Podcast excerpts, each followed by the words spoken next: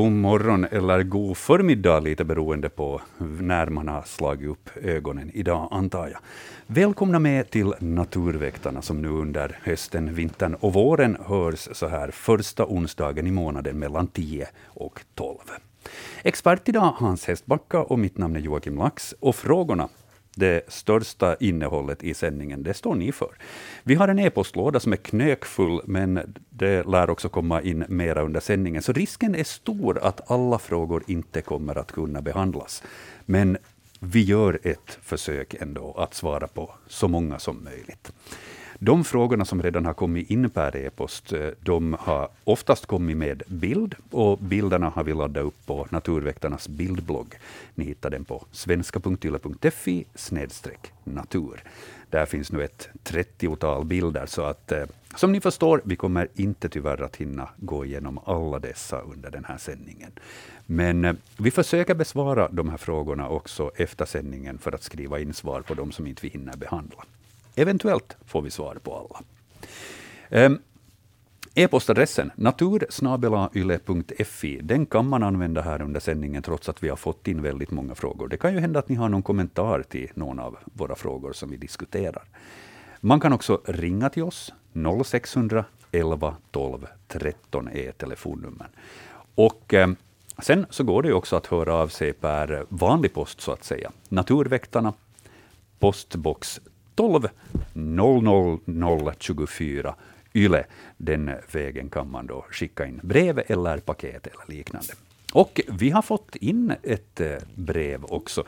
Eh, jag har faktiskt varit och tjuvöppnat det här paketet innan Hans kom hit och fick se det. Så jag tog ett fotografi på, på innehållet helt enkelt och eh, satt in det här på bildbloggen, så ni kan också följa det där. Det är en person i Nykarleby som har skickat in en tändsticksask som var ordentligt ihoptejpad och tändsticksasken var sen insvept i plast också, så att det som var inne i asken skulle hållas kvar. Eh, Chi fick den här personen, för det som var inne i tändsticksasken så hade nog tagit sig ut ur den och vidare ut i kuvertet, men där hade de tack och lov stannat.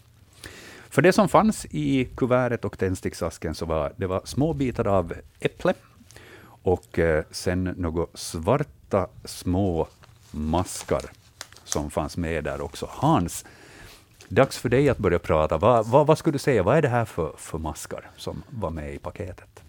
Ja, det, det normala förstås i äppel är ju äppelvecklarlarver. Men eh, de är ljusa och de här är mörka. Så att uh, det kan det inte vara om det är inte så att de förvandlas och blir mörka när de dör. Mm.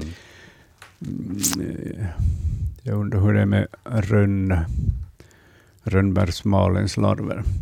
Det här är ju ett intressant, eh, en intressant frågeställning och intressanta larver eftersom det finns i äppel.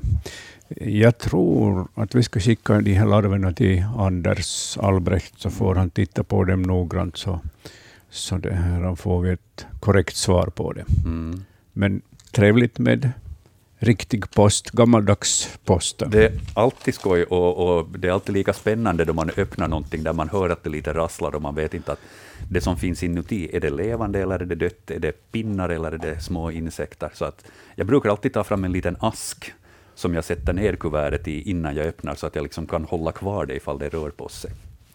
Men eh, vad, vad, var det vi, vi, vi kan säga att det eventuellt är? Uh, eh, kanske rönnbärsmal, men, men, ja. men, men vi, vi, vi, får se vad Anders kommer till. Ja, vi tar det vidare helt enkelt. Mm. Men tack för posten från Nykarleby kan vi säga. Det är alltid lika spännande.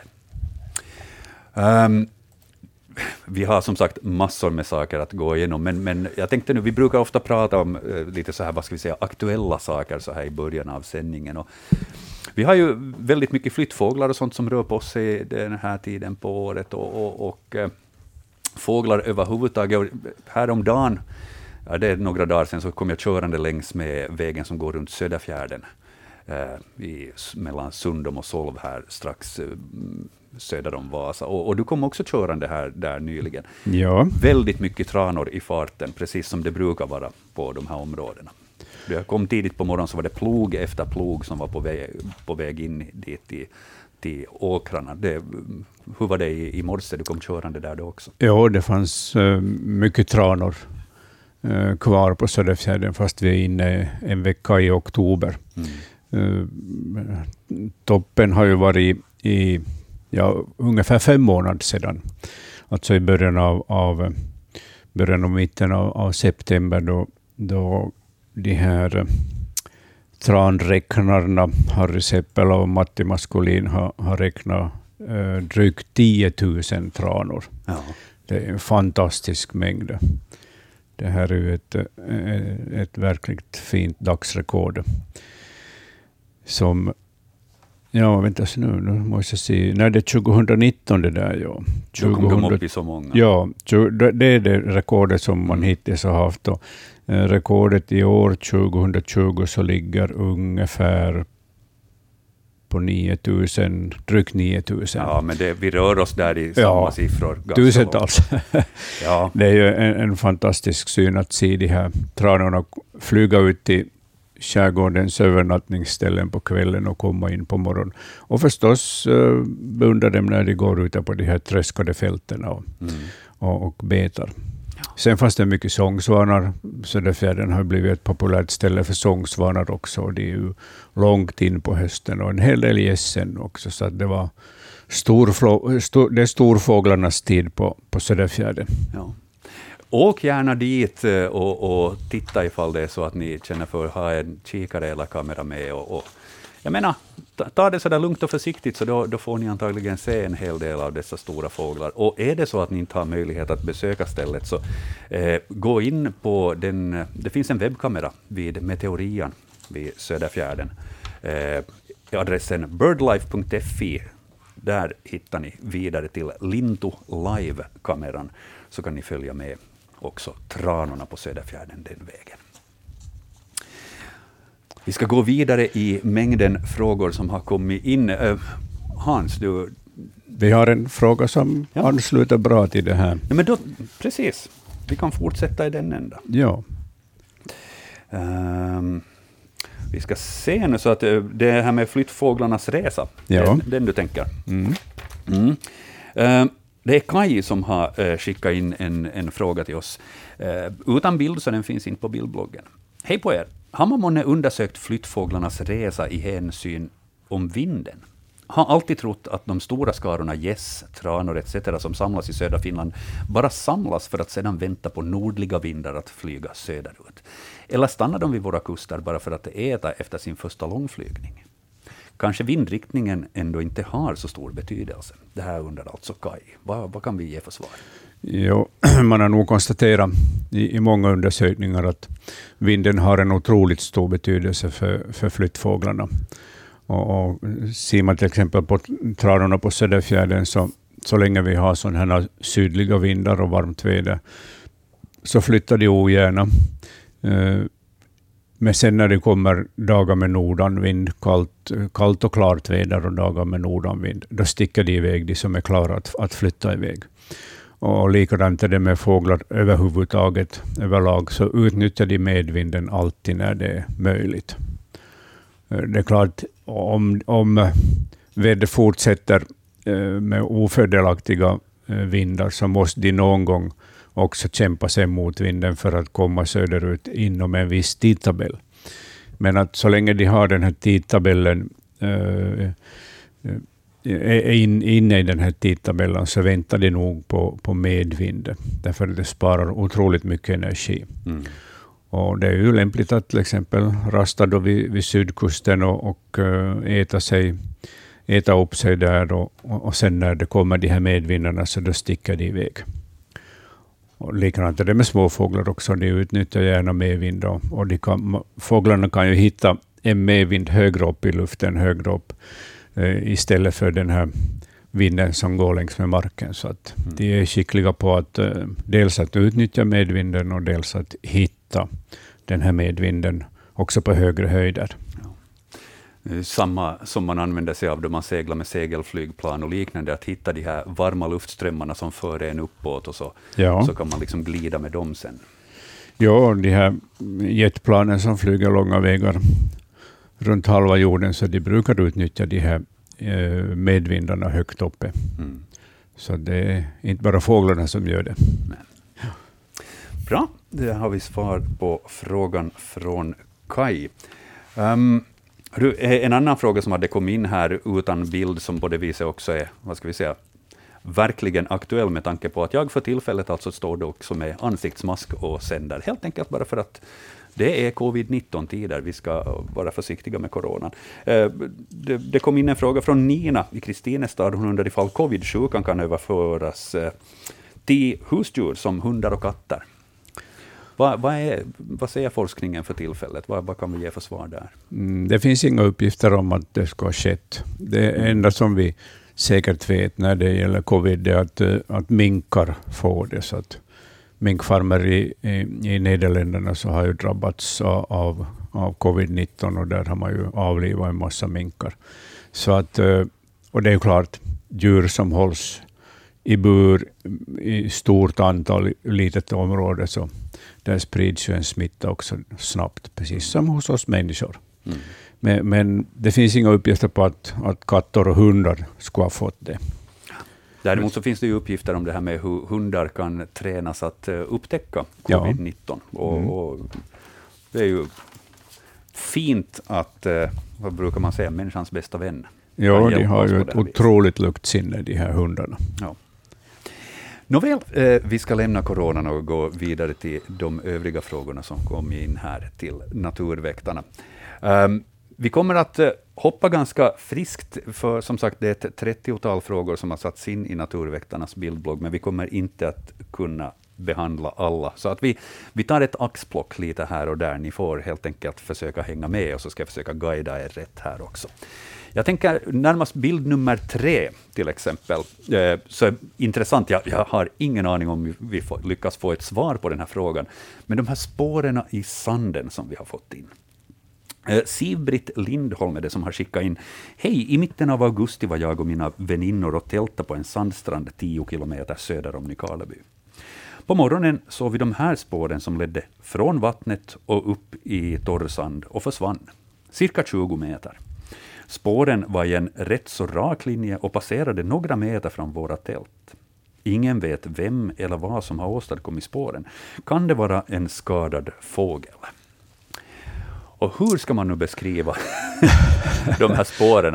Ja. Eh, det ser ut som att någon med en käpp har försökt eh, kanske skriva bokstaven lilla bokstaven B efter ja. varann, mm. väldigt tätt efter varann, och kanske lite sådär snabbt och slarvigt, så att sanden har sprättat till. Men om ni tänker er bokstaven B skrivet efter varann på en lång, lång rad, med en käpp, då kommer vi ganska nära hur den här bilden ser ut. Eh, bokstäverna i så fall, eller de här figurerna, så är ungefär lika långa som en människofot, skulle jag väl tippa. Vi har några fotspår här i sanden, både med från skor och barfota fötter som finns här runt omkring, så vi får på det viset en storleksangivelse. Men eh, ja, vad, vad säger vi om det här? Ja, det här är otroligt. Jag har aldrig sett något sånt här spår ja. gjort av djur eller människa. Mm. Alltså man, man, kunde ju tänka sig att det vet du, kanske en, en ja, någonting som sveper till med ena bakbenet kraftigt åt sidan och tar fart på något vis, och då, då skulle det bli liksom det här lite rakare strecket, kanske, men vad andra foten gör då för att göra en sån här liten cirkel, det här vet tipporna. Ja, verkligen. Mm. Um, det, det, här, mm, enligt texten så har spåret gått uh, förbi tältet, mm. några meter mm. från tältet. Ja. Så det är någon som inte har på det viset varit, vad ska vi säga, skygg direkt. Nej. Om det här är ett djur. Om det är ett djur, ja. Mm. Jag kan ju tänka mig att, att man kan rita sådana här figurer med en käpp i sanden. Ja. Uh, de varierar ju de här benen ganska ja. mycket. Uh, det finns den möjligheten att någon har ritat med käpp här någon har gått omkring och haft lite tråkigt. Ja, tyckte det var trevligt att rida. Här, går ju, här går ju ett, på övre delen av bilden så går ju eh, bara fötter läng, Mm. längs med det Mm. här. Eh, det, finns, det finns inget djur som, som gör sådana Ja. här märken i, i sanden. Eh, Ja. det, jag kan inte komma på, faktiskt på någonting. Sälar kan ju gå upp på, på stranden, men, Mm. men då är det förstås två labbar som syns med jämna mellanrum i sanden och sen Ja. det här släpspåret av kroppen i mitten. Ja. Här är det inte alls någonting sånt. Inte. Nej, vi, får, vi får skrapa oss i hårbotten och knacka oss på skallbenet där för att försöka få fram ett vettigare svar än så här. Men Och dessutom så, så är de här ganska tätt, mm, tätt efter varandra. Och, och eh, jag skulle säga att en, en, en käpp eller en pinne, så, så med en sån kan man åstadkomma Ja. sådana här spår. så att eh, eventuellt så är det en, eh, vad ska vi säga, ett, ett yngre exemplar av människa som har åstadkommit det här. Varför inte? Varför inte? Det men något djur som skulle ha gjort det här, det kan jag inte komma på. Nej. Förutom djuret människan. Ja, yngre människa, kön kan inte vi bestämma utgående från det här. Men det är vår gissning i varje fall. ja. Vi fortsätter att skrapa oss eh, i hårbotten och knacka oss på skallen medan vi tittar på följande skallar som vi också då har bild på. Eh, Vi kan fortsätta här från bildbloggen ett tag. För som sagt, vi har fått in väldigt många frågor. Eh, här, eh, första bilden, bild nummer fyra i bildbloggen, så är det Reino som har skickat in. Han skriver så här. Eh, Hej! Skallen och eh, benen hittades i Järby skärgård i Vasa. I området finns havsörn och under jakt så försvann en tax. Frågan gäller om det här kan vara taxens skalle eller är det en grävling, då skallarna liknar varandra på bilder på nätet. Skallen är cirka 13 cm lång, benen cirka 10,5 cm långa. Och eh, han har skickat in eh, flera bilder. Jag har gjort ett litet urval här och tagit två stycken som jag har satt in i bildbloggen. Och, eh, det som är kanske markant för de här skall, bilden på skallen, så är ju just att, att mitt på kraniet så går det en, en hög kant eh, längs med egentligen hela skallen, ända tills vi börjar närma oss det som väl kan kallas nospartiet, där ögonen kommer och sånt. Vad, vad ger det här för fingervisning, Hans? No, grävlingen har ju förstås en sån här skalle, men samtidigt så utesluter det inte taxen heller, eftersom de har mycket liknande skallar. Så att det här Ja, det är hugget som stucket. Jag skulle hålla, hålla en, en lite större slant på grävlingen. Mm, men taxen kan vi inte utesluta eftersom den har försvunnit här och, och, eh, och råkat ut för någonting, för någon olyckshändelse eller något sånt där. Och, och överhuvudtaget när sådana här kadaver finns i skogen, oberoende om det är grävling eller tax, så, så blir det ju småningom eh, fullständigt renskrapade, de här skeletten. Mm. Och då får man sådana här fina, fina exemplar både på, på skallar och lårben. Mm. Men mm, grävling finns det ju gott om i, i, i, skärgården också. Så, mm, eh, mitt- första intryck är grävling. Ja. Följande eh, bild som vi har i bildbloggen, så där har vi en till skalle. ehm, och det är Sofia som har skickat in den här bilden. Eh, hon hittade den här skallen vid Bosgårds skogar i Borgå, då hon var och plockade svamp. Och undrar helt enkelt, vad är det här för ett djur? Eh, Sofia från Borgå som har skickat in den här bilden. Och, eh, Storleksmässigt så kan vi åtminstone titta på, på barren som är här runt omkring och eventuellt då få en fingervisning till hur stort eller hur litet kanske skallben som vi talar om.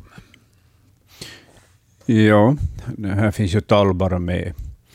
Och, och eh, nu varierar förstås talbarerna i, i, i längd, men det finns ju en, en, en ganska normal, eh, eller ett, ett medelsnitt för, för talbarens längd. Och den här skallen är ungefär tre gånger, tre gånger längre än ett talbar. Eh, Jag skulle hålla på rådjur i det här fallet, Mm. som har blivit tagen eller dött av andra orsaker tagen av till exempel lodjur. Och, och eh, då blir ju sen skallen och, och övriga ben kvar i skogen. Så rådjur ligger nära till för, för den här skallen. Ja. Eh, de här tänderna kanske också då lite skvallrar eventuellt om att det mm. åtminstone är någon form av växtätare. Ja. ja. Rådjur skriver vi där. Och jag kommer att uppdatera eh, den här bildbloggen efter sändningen och skriva in de svaren som vi har Eh, och förhoppningsvis också de rätta svaren i och med det. Eh, de frågorna som vi eventuellt kan bli osäkra på. Så det får vi kolla upp helt enkelt och återkomma till. Eh, och är det så att det är en kvalificerad gissning, så då kommer jag att notera det också. Ehm, vi har faktiskt mera skallar på följande bild. Väldigt många är de också. Sex stycken skallar som vi har här, fotograferade från två olika vinklar. Ehm, här är det Klara som har skickat in det här. Hon bor på Högsåra i Hitis skärgård och tycker om att göra skogs och strandfynd. Hon skriver här att hon under årens lopp samlar på sig djurskallar och undrar nu om vi kan hjälpa henne med att identifiera dem. Eh, och eh, vad kan vi så där direkt utgående från de här bilderna säga? Vad, kan vi identifiera någon i varje fall? Hon har eh, satt upp de här liksom i storleksordning med en tändsticksask bredvid sen, så att vi kan lite sådär få en storleksangivelse på de här skallarna. Men känner vi igen någon av de här? Ja, så mycket kan vi säga här att eh, de tre översta är mindre. Och det är rovdjur av något slag. De har ju höntänder. Höntänderna har fallit bort, eller de flesta. Men, men de andra tänderna visar att det är mindre rovdjur. Uh, kanske rev Ja. Rev eller mårdhund, de här två större, den här minsta um, minken möjligtvis. Mm. Mården, mink. Uh, sen de här tre undre, så, så det är ju uh, växtätare, det ser man på tänderna. Det är tacksamt att Klara har fotat den både ovanifrån och underifrån. Framförallt underifrån så ser man ju genast när det är växtätare. Och, och de som finns förstås i den skärgården så är ju älg och vitsvanshjort och rådjur. Möjligtvis är den här största skallen en älgskalle. Men eh, mm. vitsvanshjortar ligger nära till hands. Eh, jag skulle föreslå att Klara skulle skicka eh, de här bilderna till, till Zoologiska museet i Helsingfors för att, för att säkert få få det här, eh, en rätt artbestämning på, på de här djuren. För eftersom hon samlar dem så är det ett stort intresse och då är det trevligt att, att få, få det här rätt artbestämning. Mm. Nu ser jag på de här tre översta mindre skallarna så där, det är säkert tre olika arter eftersom uh, de här två som är uh, nästan lika stora så de varierar Eh, till, till det här form ja. helt och hållet. Så att, eh, ja, det är nog olika arter. Mm, det är liksom ja. både vad ska vi säga, formen på hålen där ögonen sitter ja, och, mm. och, och, liknande också. Vad ska vi säga, där det, skallen går över till, till nacke, ryggrad. Ja, så, så mm, jag rekommenderar att, att Klara skickar in bilderna till Zoologiska museet så får, får hon det här, eller heter det Centralmuseet, mm. så, så får hon en um, rätt bedömning av de här skallarna. Precis. Mm. Intressant ja. med folk som samlar på skallar och ben. Mm. Ja, tack Klara för de fotografierna. Um, vi kommer att gå igenom fler frågor här. Jag ska bara passa på att säga att 0611 12 13 det är telefonnumret ifall man vill ringa hit till sändningen och ställa en fråga direkt till Hans. Um, och uh, det kommer att bli nyheter på den här kanalen om en halvtimme. Och efter det så fortsätter ju Naturväktarna naturligtvis. Och 11.30 blir det då också uh, nyheter på lätt svenska som vi kommer att uh, ta in och sen så blir det nyheter på nytt sen klockan 12. Där är liksom tidtabellerna som gäller idag. Hörni, um, Vårt första samtal har vi på tråden. Vi säger eh, hej och välkommen till Naturväktarna. Ja, tackar. Det är Kalle Piesa från Pujo. Hejsan. Uh, va? Förlåt? Jo, jag, vi var ute med här, vi går ju dagligen morgon, middag, kväll med hunden och var första oktober vill jag minnas så, så var det en liten grej. Jag, jag fotade nog också och skickade in det till bildbloggen. Det är en snokunge. Ja. Ja. Och jag fotade den idag på, på andra för att utstoppa på en stubbe så att det skulle bli rent tvätta när det regnar. ja. Jag ska Och den är titta om jag 15 hittar centimeter. den. Små, jo, den, Ja. är, den är 15 cent lång och den, den har inte varit många dagar för att första, första i tionde så var vi, vill jag minnas att det var ute då, då var den liksom överkörd men att som sagt så jag kände igen de där snokarna för vi har mycket av dem här. Ja. ja. En tidpunkt jag tycker de borde, de borde ju kläckas när det är varmare väder men kanske det är coronatider så allting går Ja, men- egen bana nu för tiden. Det kan mycket väl hända att den eh, kläckts lite tidigare, att den kan vara några veckor gammal i alla fall. Jo, men jo, i alla fall det kan vara nog det. Men jag men- menar så, de brukar vara så, så när man, vi ser ofta sådana små, små sn- snogar och vi har själv på backarna här också så att, Ja, så att men att det här var en 300 meter från, från vår gård nu så att vi går dagligen också. ja. De hinner ju inte växa just någonting efter, efter att de har kläckts och, och tills, Nej, de nej. ska, tills de ska gå i vinter, vinterdvala, utan de mm, brukar bara samla på fetter i kroppen då för att överleva vintern. Det ja, no, det, det, det, men i alla fall så det, jag har bilder av den uppe på bildbloggen så ni kan få se sen. när Ja, trevligt. Där, där, är- där, jag tog tre foton men att jag tog, tog det här senaste idag nu för jag satte den upp på en stubbe och där så, så blev den ren svettare och där, där finns det några svampar som är två, två centi diameter av hattarna så att, Ja, så att, att Jo, hör vi har skulle ha mycket bättre, bättre. Vi satt bakom varandra då förr i världen i Åboakademin och har på Eklunds. Vi, ja, ja, så, så nu kan jag säga att Håkan Haka hade till höger om dig. ja. Ja, jo. Ja. Ja. men hör då. Vi, Tack. vi återkommer. Men bilder finns där. Tack för observationen. Jag öppnar just den här bilden och eh, vi ska se om vi hinner få in den i bildbloggen så övriga kan se den också. Tack ska du ha. Ha en bra dag. Hej. Vårt första samtal i Naturväktarna för den här veckan. Den här bilden på snoken, ehm, överkörda eh, snoken, så den ska vi se ifall vi får upp här till, om inte annat så efter sändningen. Och på tal om, eh, ja, vad ska vi säga, på tal om överkörda snokar tänkte jag säga. Vi har alltså en bild som eh, relaterar till det här föregående samtalet också. Eh, bilden finns på vår bildblogg, bild nummer 34 i ordningen. Så vi får gå liksom lite till slutet där, så ska jag bläddra fram till den frågan. Vi kan ta den nu eftersom vi råkar tala om snokar. Eh, Det är nämligen Lars Back som har eh, fotograferat ett skelett som han hittade i ett träd då han röjde vindfall efter senaste stormen. Är det här ett ormskelett, undrar han. Det är cirka 40 centimeter långt. Ja, jag tror att det är ett ormskelett. Det finns inget annat djur, antingen huggorm eller snoke, som eh, har ett sånt här långt skelett eh, och sen eh, förstås alla revben som sticker ut.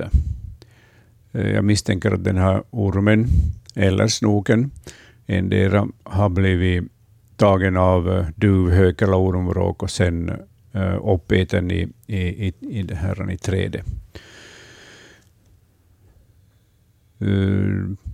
Det, han har säkert rätt att det är ett ormskelett. Mm. Mm. Men, Intressant fynd i och för sig att hitta ett bar, barätet, barskrapat uh, ormskelett i ett träd. Ja. Och, och det är väl förmodligen precis som du säger, att den har blivit tagen av en rovfågel eller liknande och sen på det viset transporterats upp i trädet och blivit uppäten och lämnat kvar där. Men det, jag menar för all del, ormar, snokar, huggormar, de kan också röra sig själva i träden. Men, Ja, men uppäten är den här, för Ja. man ser att, att det är av, avslidna eh, en del revben också, men de vävnader som är kvar så är ju röda, alltså Mm. det är blodiga, så det är ett fäst skelett. Ja. Eh, Framkommer det nå om trädet var omkullblåst? Ja, det står bara att han var och röjde vindfall efter senaste stormen, så att jag skulle väl tippa att det här Nå, trädet låg omkull. Nu är det ett, ett vindfall, ja. Ja. Och, och, då är det ännu mer naturligt för, för till exempel en duvhök att, eh, att eh, flyga upp på en sån här omkullfallen trädstam och äta upp sitt byte där, eller en ormbråk. Mm. Det är tryggare än att eh, stå på marken och äta. Ja. Vi ska ta ett till samtal här i Naturväktarna. 0611 12 13 har följande person ringt. Vi säger god förmiddag. Vem är det vi har med oss? Hallå ja, Ja, hallå. det är Jan Hermansson här från Kyrkslätt, hej. Hej Jan. Jag skickade för en kvart sedan ett, en, ett, ett foto per e-post Ja, och, och rubriken heter Skummerlummer ja jag med hittar det. citationstecken. Jag ska Och visa det- den här bilden åt Hans här också, så att han vet vad det är vi pratar om. Så får du berätta. Ja, det är en väldigt vacker, unik trakt där den växer. En bifurkationssjö som, som man kan med kanot fara till Göteborg eller till Kotka. Man hamnar och bära några gånger, men vattnet kan rinna åt båda hållen. Och det där, där växer annars också i den trakten enormt stora skogslindar. Sånt som man inte ens ser här i, i Kyrkslätt. Och, och det där, där på en sån här sluttning som är, som är mot sydost kanske, så växer det en, en kan vi säga på en halv ar eller, eller fem gånger fem meter, en fjärdedels ar, en sån där, sån där ormbunke som har feta, feta blad. De, de är glatta och, och, och tjocka som som, som det där, det som blir kvar när man äter en slickepinne, det vill säga, eller en glasspinne, som Ja. ungefär tjocka som en glasspinne, lite smalare. Ja, Och det där, de påminner om en sån här urgammal växt som jag har sett på mina resor i, i Chile, men det var, det var ett träd, araucaria. Det har liksom framåtstickande fjäll på, på sina grenar, inga kvistar. Och det här har också sina framåtstickande små fjäll och, och den det där växer i sina tovor, alltså en, en planta och så kan det vara någon meter och så följande planta och jag vet inte om de har ett gemensamt rotsystemen, att den är använd av de där byborna så där sparsamt för, för, för kransar och jag har själv samlat faktiskt till fyra begravningskransar därifrån. Jag undrar för det första att den är den vanlig, fridlyst och, och, och är det någon sorts lummer? Ja, visst är det en lummer. Eh, mm, jag tror inte att den är fridlyst, men jag är inte säker, så det måste jag kolla upp i så fall. Eh, Vanlig eh, är den inte, åtminstone, ja, no, man, man påträffar den här och där, men att du har tydligen hittat ett gott bestånd, ett, ett rikligt bestånd. Ja, Och, och det har säkert att göra med boniteten där skogslindar och frodig mark. No, då, då, inte på det stället. Där, där är det nog skog, skogslindarna växer på annat ställe. Där Okej. är det nog bara torr tallskog och, och, och ris och, och, och e, små enar och, och någon enstaka granplanta som försöker klara sig. Ja, just ja. Mm. Ja, men hur, hur vanlig den är så där överlag i Finland så, så vet jag faktiskt inte.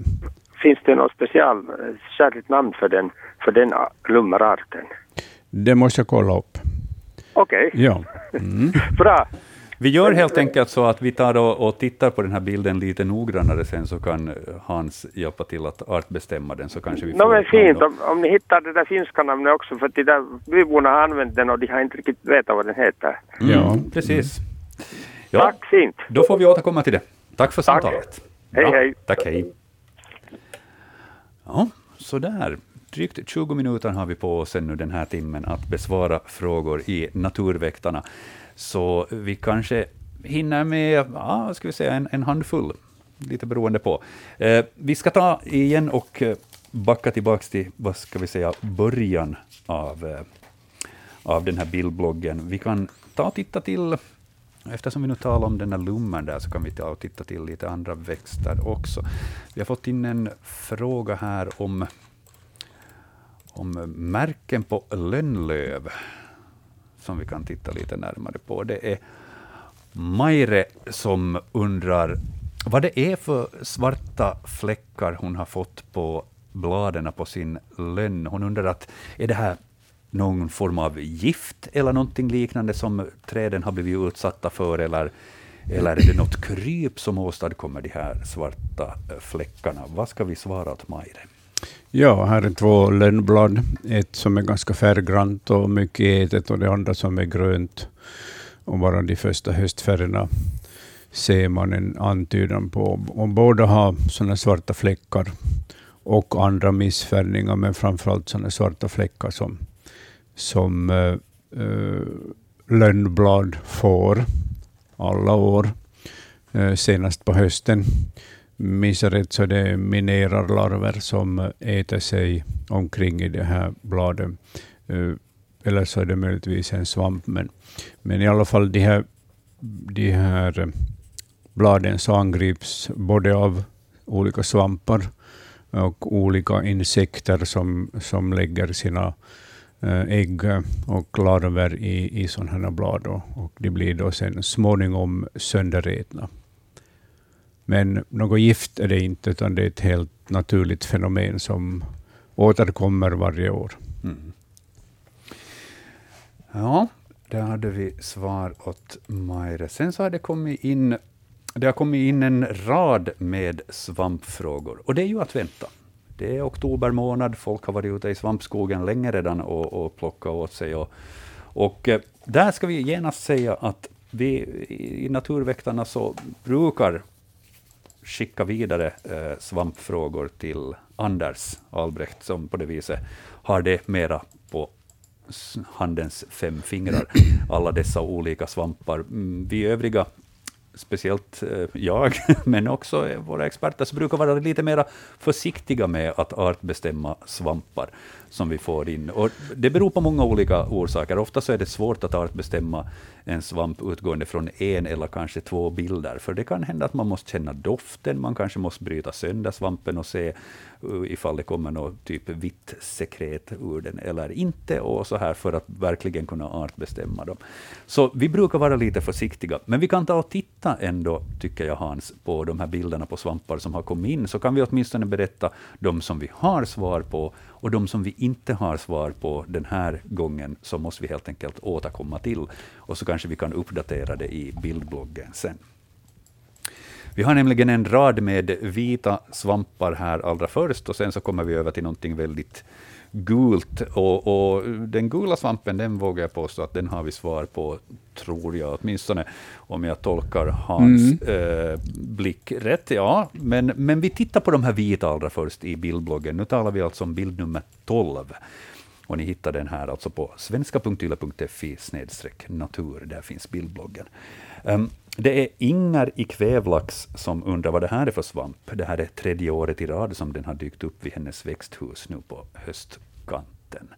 Um, sex stycken bilder har vi fått in, så det är jättebra fotograferat. Här kan vi se svampen både underifrån, ovanifrån och från sidan. Och vi kan se att den längs med foten så har den en sån där, vad kallar man det här, en strumpa? En strumpa, ja. ja. Mm.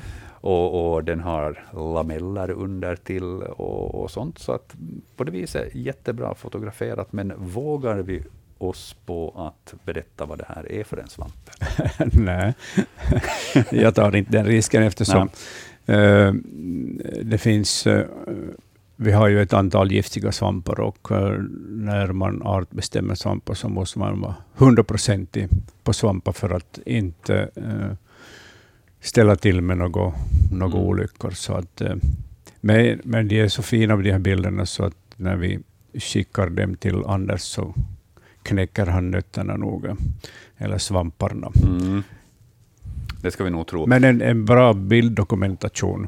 Det är det. Den är fotograferad från alla håll och kanter, den här svampen. Ja, så det här var på det viset eh, riktigt bra utfört. Men eh, det enda vi kan säga om den här, så det är den där tumregeln som jag har präntat in. Vita svampar, låt dem vara. Vita svampar, ät inte dem. Om inte du är riktigt, riktigt, riktigt, ja. riktigt till 110 procent säker på vad det är för en svamp. Sen det att det här nu är en vit svamp som har dykt upp för tredje året i rad vid växthuset. Eh, ja, det, det, det, betyder ju inte att, att hon är beredd att, att sätta den i grytan eller någonting sånt, tack och lov, utan vi vill bara veta vad det är för en svamp. Men ja. vi, vi måste återkomma till den här, Inger. Jo, och det att den har växt där i tre år och rad, så det visar ju att mycele trivs bra mm. i, i växthuset. Uh, de här svamparna som vi plockar eller fotograferar i naturen, så det är ju bara svamparnas fruktkroppar som, uh, som kommer upp ur marken, växer fram ur marken.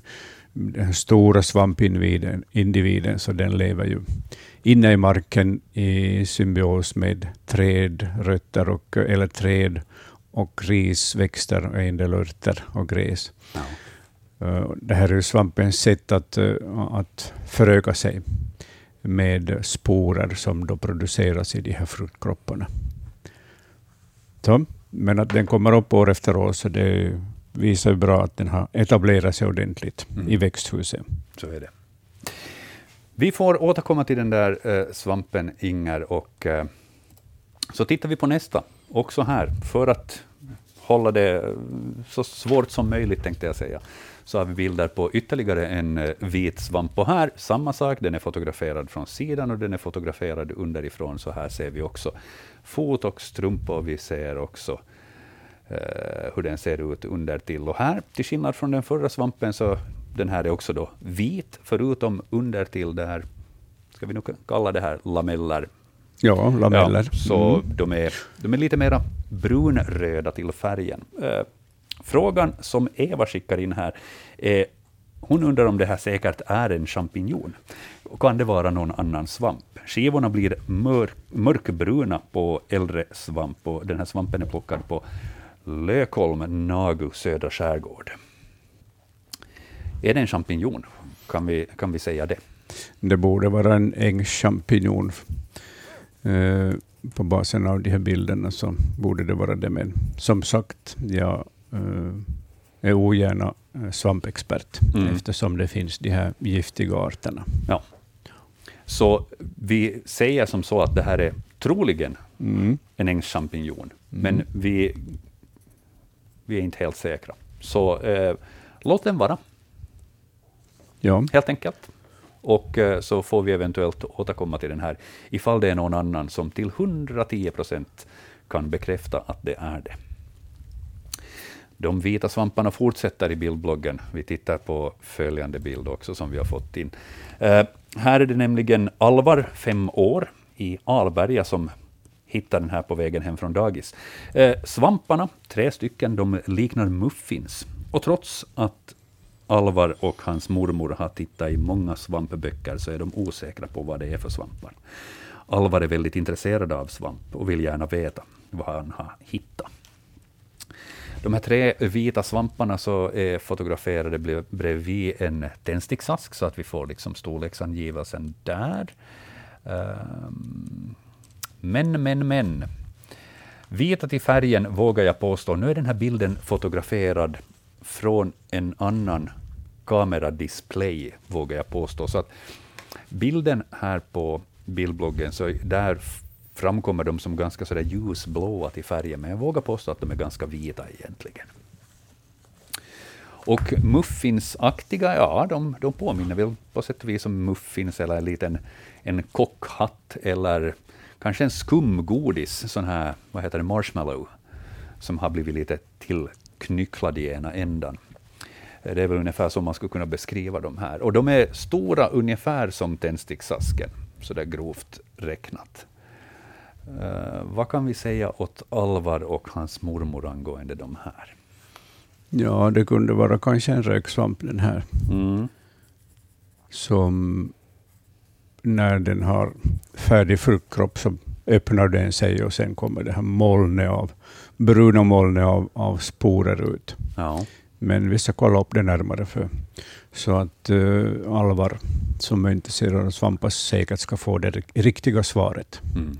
Det finns ju många olika arter av röksvamp och så här och kan mm. förekomma i många olika storlekar. Jag kommer ihåg en bild från i somras, så då var det en, en röksvamp som var stor som en fotboll. eller någonting sånt här som jag har för mig att finns i bildbloggen. Så att de, de, de finns i många olika utföranden och storlekar och sånt. Så vi, vi ska ta och titta lite noggrannare på den här och, och se vad det är riktigt som Alvar har, har hittat på väg hem från, från dagis. Um, men uh, nu över till en, en svamp som jag väl åtminstone tror att vi, vi har ett svar på. De är svåra de här, måste vi erkänna. Här är det Kristina i Borgo som har skickat in en bild som hon tog i mitten av september i tät granskog. Hon trodde att någon hade slängt en citron efter sig, för så såg det ut.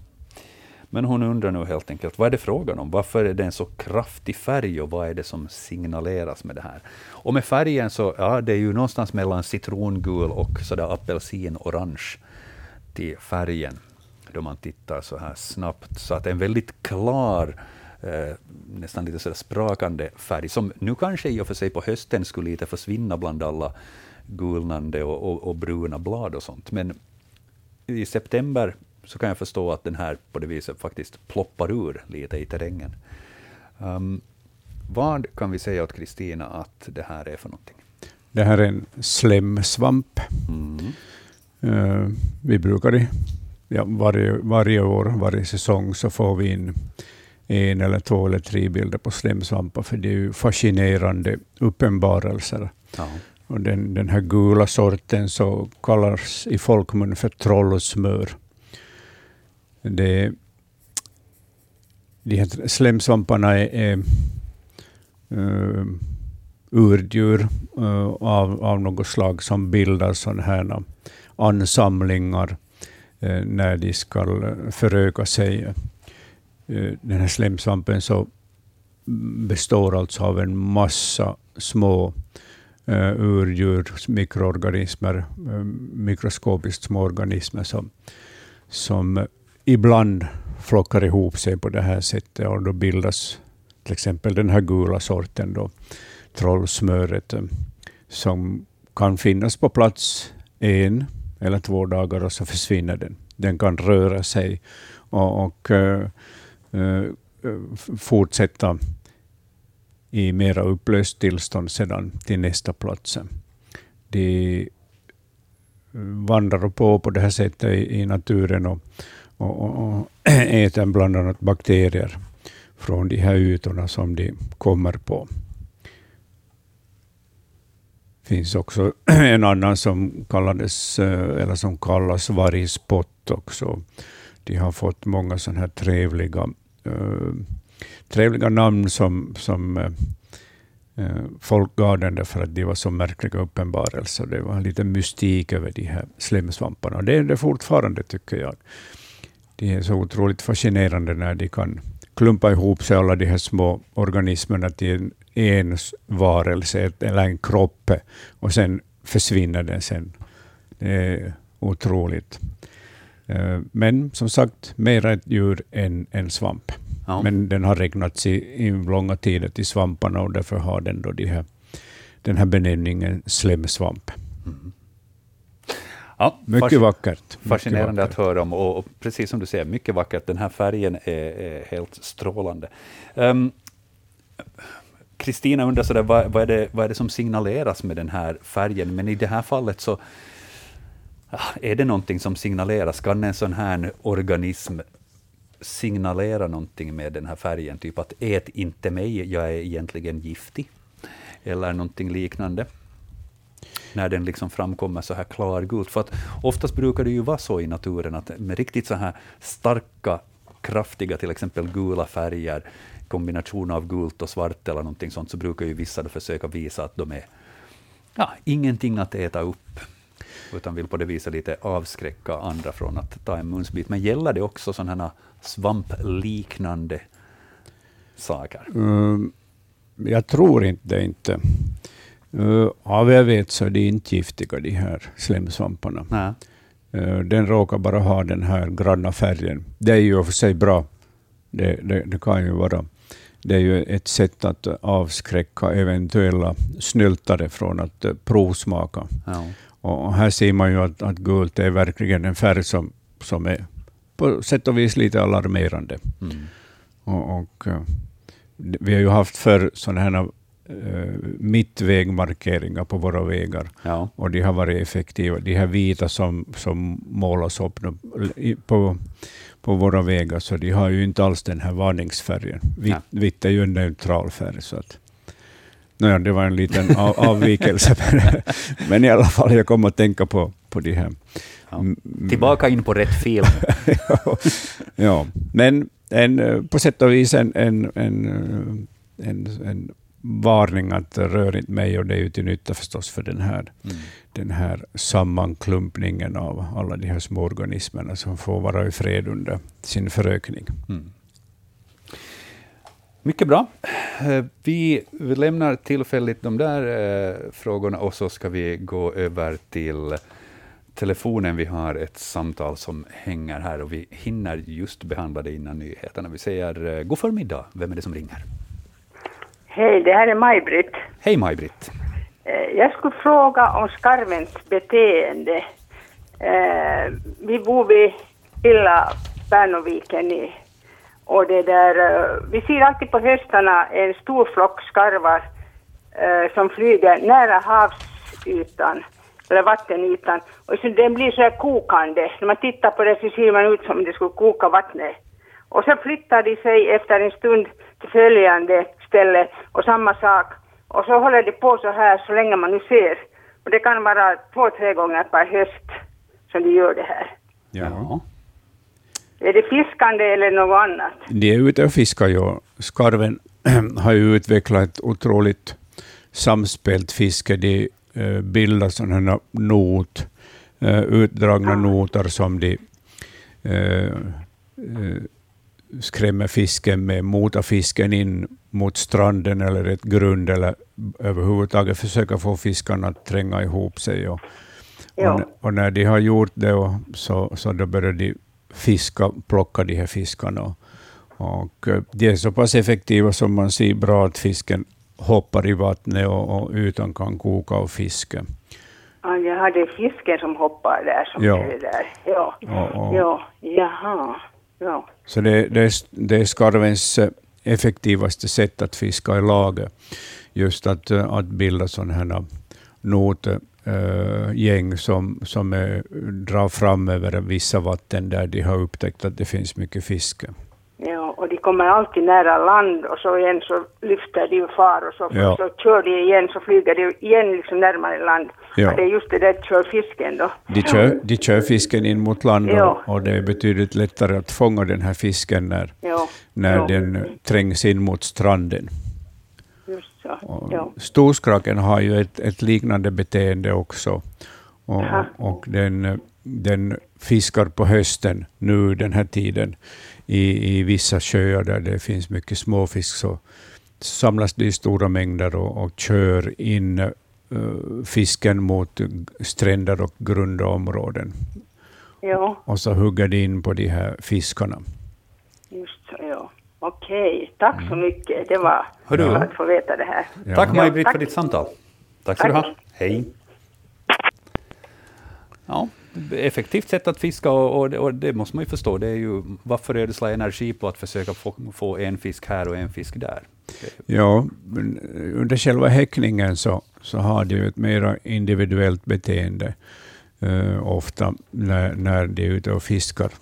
Men, men speciellt efter häckningen och, och före häckningen då de eh, är i sådana här flockar, så då fiskar de i flock tillsammans för att få ett stort byte och ett stort utbyte av, sina ansträngningar också. Storskaken är ju intressant på det sättet att den, den i äldre tider så kallades den kör, körfågel åtminstone i Sverige. Och, och eh, hon som ringde som nämnde just det hade körfåglarna, äh, fisken mot stranden. Och, och, och Storskaken har ju till och med utnyttjats av, av strandbor i äldre tider. När, när, där storskaken samlades på höstarna så satte man ut eh, fångstredskap längs med stränderna. Och när skrakarna sen körde de här fiskarna in mot stranden så fick eh, strandborna ganska goda fångster under hösten. Så människan är ganska finurlig av sig när hon hoxar att det där kan jag utnyttja. på ett naturligt sätt. Exakt. Det här samspelet mellan, mellan djur och människor. Och vissa gånger så har vi förstånd att, att använda oss av det på ett vettigt sätt. Eh, och, och, vissa gånger så, så kanske vi mera utnyttjar det. Ja. Men eh, samspel, jag menar, det är ju inte kanske så att vi på det viset kan skola fåglar till exempel till att hjälpa oss att fiska på samma sätt som vi använder oss av andra husdjur och sånt. Hundar hade vi exempel på här tidigare. Men, men visst, bara att, att titta på andra djurs beteenden så kan underlätta vårt arbete, till exempel då det gäller att fiska och liknande. Ja, och just det här storskrakarnas fiske som man utgör, så, så storskraken äter ju ganska små fiskar, medan de eh, pressar ju all fisk in mot stranden, också gädda och abborre som ju då var begärliga matfiskar för människan. Så människan tog de här större fiskarna och storskrakarna de mindre. Så i, i det fallet så var det ju en ganska god fördelning av fångsten. Ja. Rättvis fördelning. Mm. Du lyssnar på Yle Vega.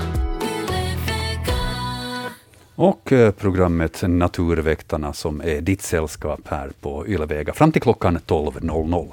Mitt namn är Joakim Lax och expert idag Hans Hästbacka. Är det så att ni har frågor till oss här på Naturväktarna så e-posta oss på natursnabelayle.fi eller så har ni telefonen i närheten och är beredda att ringa 0611 12 13. Vi kommer att ta eh, eh, den här timmens första telefonsamtal om en liten stund. Vi har ett par andra frågor som vi ska beta av först. Bland annat den här frågan. Mm, ni hittar en bild på bildbloggen svenska.yle.fi där det står så här. Vad är det som simmar omkring i skottkärran här i mitten av augusti? Eh, det är Line i Pargas som har funderat på det här. Hon har frågat biologer från olika håll, men ingen vet riktigt vad det är. Det var alltså i mitten av augusti en skottkärra där det låg lite vatten med löv i. Och eh, hon skickade in alltså ett videoklipp. Man ser en eh, gul-orange sak med eh, en lång svansliknande grej. Um, fem till sex centimeter lång, eh, där det är främst den här framändan som rör på sig och eh, bakändan, svansen, den far liksom bara med. Eh, hur ska jag alltså bäst beskriva den här? Alltså den ser ju ut lite som en, en gul-orange spermie egentligen, bara att den är liksom 5-6 centimeter lång. Då. Uh, och uh, den här simmar omkring lite knyckigt under vattenytan. Och ja, kanske, kanske främst den här kroppen då, som rör på sig medan svansen mera bara hänger med. Det fanns inte bara en i den här skottkärran med vatten. Vad kan vi säga åt Line i Pargas? Vad är det här? Ja, det här är en så kallad råttsvanslarv. Eh, eller råttsvansar. Mm -hmm. Råttsvanslarver brukar de kallas, de här eh, larverna som lever på det här sättet. Den här långa kärten de har, det är deras andningsrör. Just det. som de sticker upp ovanför vattenytan för att kunna andas. Det här är blomflugelarver som har specialiserat sig på att, att leva i, i verkligt syrefri miljö, alltså i gyttjebottnar, förorenad miljö, flytande gödsel, eller i en skottkärra där det är fullt med löv som, som ger den näring de behöver. Och den här långa svansen, det här långa andningsröret, så är just en anpassning till, till den här eh, syrefria miljön som de lever i. De är otroliga överlevare, de här, just de här arterna av blomflugor som har den här, de här larverna. Det är intressant att, att äh, skottkärran har fått äh, vara ett Eh, en tillfällig uppväxtplats för sådana här blomflugelarver. Mm. Jag hoppas att de har fått vara kvar de här så att de hinner utbildas färdigt och, och förpuppas eller, eller kläckas och övervintra. Jag kan säga att det, det, såg ganska spännande ut när de simmade omkring de här eh, larvgrejerna. Eh, för att som sagt, det var ett videoklipp som vi fick in. Eh, ganska sådär först lite, lite trevande simning på sätt och vis, och sen så knyckte den till lite. Och, och den var som sagt inte ensam i den här lilla vad ska vi kalla det, konstgjorda vattenpölen, alltså Mm. i den här skottkärran, utan de var, de var flera exemplar där. Ja, det är en eller flera uh, blomflugehonor Mm. som har lagt sina ägg här och sen har de fått utvecklas i lugn och ro, de här larverna. Ja. Det är, det är, verkligen, för, det är verkligen förvånande att, att se sådana här, såna här märkliga varelser som, Ja. som rör på sig och som har en lång svans Ja. som eh, sen då visar sig vara ett andningsrör. Ja, i princip en snorkel som den sätter snorkel, upp till, ja. Ja. Ja, blomflugorna har ju, det, det finns ju ungefär ja, drygt 300 arter av blomflugor och, och en del av, av de här specialiserar sig just på sån här miljö. De, de lever i, i syrefria, starkt förorenade vatten. Och eh, den andra gruppen av blom, blomflugor, så de, de, deras larver lever i växtligheten och är specialiserade på bladlöss. Ja. Så att eh, där har vi alla som har trädgårdar så har stor nytta av att det finns mycket blomflugor Ja. i trädgården. Förutsatt förstås att man inte använder gifter i trädgården. Det är, det är ju grundläggande. för Sprutar man ihjäl bladlössen och med, med det här gifter så sprutar man också ihjäl till exempel blomflugelarverna som annars skulle äta de här bladlössen. Så det tror jag att vi någorlunda bra också har lärt oss under den här sommaren under kampanjen Rädda pollinerarna, att, att undvika nu de här gifterna i trädgården. Jo, de är ju uh, helt onödiga. Mm. Ja, det, det, det är ju, inte ska man ju förgifta sin egen trädgård. Det är ju alldeles klart. Man måste låta naturen eh, ha sin tid.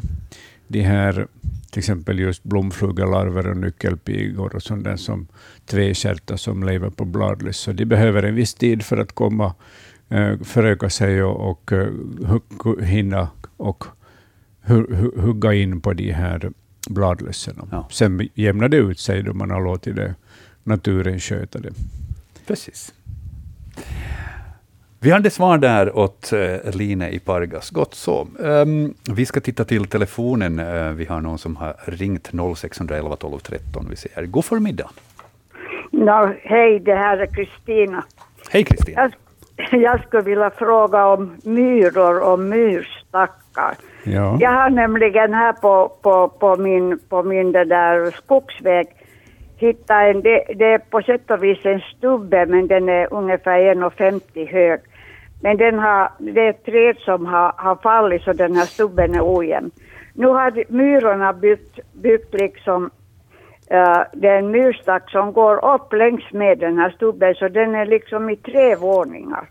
ja. Och jag undrar bara att är det vanligt att de bygger höghus? Eh, inte trevåningshus, nej. De brukar ju nog bygga höga stackar ja, som För vara... det, det, det är ganska spännande för där är först liksom en liten stack uh, nere Ja. på, på marken och sen går det upp på vänstra sidan men sen har, på mitten av det här så har, har, har barken, barken liksom kommit ut från, från stammen så där finns en, en stack igen och sen går den igen högre upp och, och sen kommer tredje våningen och där är igen en murstack. Ja. Det här skulle kunna vara en fråga om sådana här... Uh, alltså de är självständiga stackar, men att eh, alla de här myrorna är mycket nära släkt med varandra och därför kan de bygga så där nära varandra. Och, och, Det är jätteintressant Ja.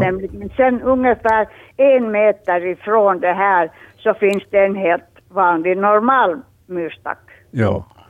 Ja, det är ett märkligt fenomen som du har upptäckt i skogen. Och, och det, Så det ser det, jätte, jättekiva ut. ja, ja. Jag undrar bara, är det, är det vanligt att de håller på på det här sättet? Nej, jag har faktiskt inte sett sådana här flervåningsstackar, utan, utan bara enskilda stackar som kan vara höga, men allt eh, hänger ihop där, så det här är nog eh, ovanligt. Jo, jag tänkte lite det. Ja. Något fint. Mm. Bra. Okej. Tack för ditt samtal Kristina. Trevlig Ja. observation. Ja, verkligen. Ha en skön dag. okej. Ja, Tack, bra. hej. Hej, hej. Ja. Eh, vi har fler samtal som eh, ringer. Vi ska ta och titta vem vi har på den här kanalen. Uh, nu var jag, tyvärr, eh, jag var tryckte på fel knapp. Nu ber jag att den personen som jag just tryckte bort gärna ringer på nytt. 0611 12 13. tummens placering var lite fel där. Beklagar. här har vi ett samtal. Vi säger god förmiddag. Vem är det som hör av sig? God förmiddag. Och det var Maggie från Krumby. Hej Maggie. Jag skulle vilja, eller pojken min och skulle vilja ha reda på lite. Vi, har, vi bor ju nära Trästhiev i Krumby. Ja. Och vi har ågen på andra sidan så det är fel att se från och till säkert. det syns ju bättre på vintern på spåren men, men nu då det var bara för en vecka sedan eller två då det var till Trästhiev och skåda så var det det var en cirka fyra, fem ung, eh, det jag när jag var ung, men det var som, som de skulle ha lekt där. Och det som de, ha, de kom bara närmare och närmare emot dem och så han funderade om de kan komma på det. Uh, pratar du om uttrar? Ja, uttrar. Ja, precis. Ja. Mm. ja. Uh, Uttrar anfaller inte människor, men de kan vara mycket lekfulla och, och orädda. Ja, de var så orädda. Ja, och, och uttern har ju varit fredad i långa tider i, i Finland, så den har inte jagats. Och, och eh, de har vant sig, de här uttrarna, vid att människan inte är farlig. Ja. Och därför kan man få se den på, på nära håll. Och det var ju en otroligt fint för, för honom eller för pojkarna att få ja, se det här? Ja, det var nog, det var nog faktiskt. Han har riktigt filmat och han sa att det var, de, var, de bara kom närmare och närmare så han funderade om, om de skulle komma och bita honom. Nej, det tror jag inte. Det tror jag inte, nej. nej. Men det, det finns, det finns rudorna där i trästen så är väl för här som det heter. Jo, Men det, han sa att de hade ljud, de hade, hade några lekas eller och, jo, det, alltså, hur de betedde sig så det. Jo, de har ju visslande ljud, olika sorters visslande och gnisslande ljud. Ja. De, här uttrarna för sig och, och uh, när de leker på det här sättet så, så har de ju en hel del ljud för sig också. Ja, jag tänkte det var nog, det var nog faktiskt intressant. Ja. Mm. För jag vill uppleva natur, det vi har bott genom i snart 50 år i nära trädstund. Men inte, inte för att man är förhindrad att just skåda, men ja. I alla fall, han är nog ute i skogen alltså. Han. Och då får man se ett och annat, ja. ja. Det är den där grundregeln att ju mer man är ute i naturen, desto mer får man se. Så är det. Ja. Så det var inte något speciellt att den här lekan tid för det, så det jag tror, uttrarna är ju mycket lekfulla av sig och de leker varje dag. Så, ja. så det är ett, ett, mycket vanligt fenomen bland uttrarna. Jaha. Ja. Det, ja, ja. Och, och, en del av den här lekfullheten så yttrar sig också att de åker rutschkana ner för eh, åbrinkar och snövallar och sånt där. Som små barnen. Ja, precis. Mm. Ja. ja. Ja. ja. så att det, det är kanske ja. inte beteendet i sig som är speciellt, utan snarast det att man får se det. Ja, precis. Ja, det är just det. Ja. Det var roligt att få veta. Vi har tänkt att vi ska ringa och fråga. Ja, ja. Ja, men tack Mycket ska bra. ni ha. Hördu, tack Maggie för ditt samtal. Ja. Bra. Hej då. Tack, hej. Ja, rolig observation. Visst, ja. Tänk att få se lekande uttra sådär mm. öppet och på några meters håll. Ja. ja. Ut i skogen så får ni se. Jag tycker det var bra sak att ha i bakhuvudet här nu också mm. under hösten. Ja. Uh, vi ska titta till bildbloggen igen här i Naturväktarna. Ni hittar den på svenska.yle.fi natur. Och eh, de kommer lite sådär, vad ska vi säga, klumpvis, de här frågorna i bildbloggen. Nu, nu är vi inne i ett parti med väldigt mycket sniglar. Eh, nu tänker jag på bilderna 18 och framåt. Eh, så vi tar och tittar lite på dem. Ehm, Roger i Ingo har skickat in eh, bilder här på Eh, små huslösa sniglar, storlek cirka 3 centimeter med väldigt fet yta. Han kan inte minnas att han någonsin skulle ha sett sådana tidigare. Ehm, så kom det ett par bilder av honom. Den första bilden så är en väldigt eh, vit snigel, vågar jag påstå. Den är väldigt ljust i färgen i varje fall, så gott som vit. Eh, kan vi säga någonting vad det här är för en art? Jag vet att det, det är knepigt att artbestämma sniglar. Jo, albinoexemplar och av trädgårdssnigel. Mm. Trädgårdssnigel, ja. Jag kommer ihåg att vi, vi, hade, vi hade tidigare sån här olika vita sniglar och, och Anders bad att få fil, eh, fotograferat från sidan så att man skulle se om det fanns ett andningshål eller inte och det kunde då sen betyda att det var någon annan form av snigel.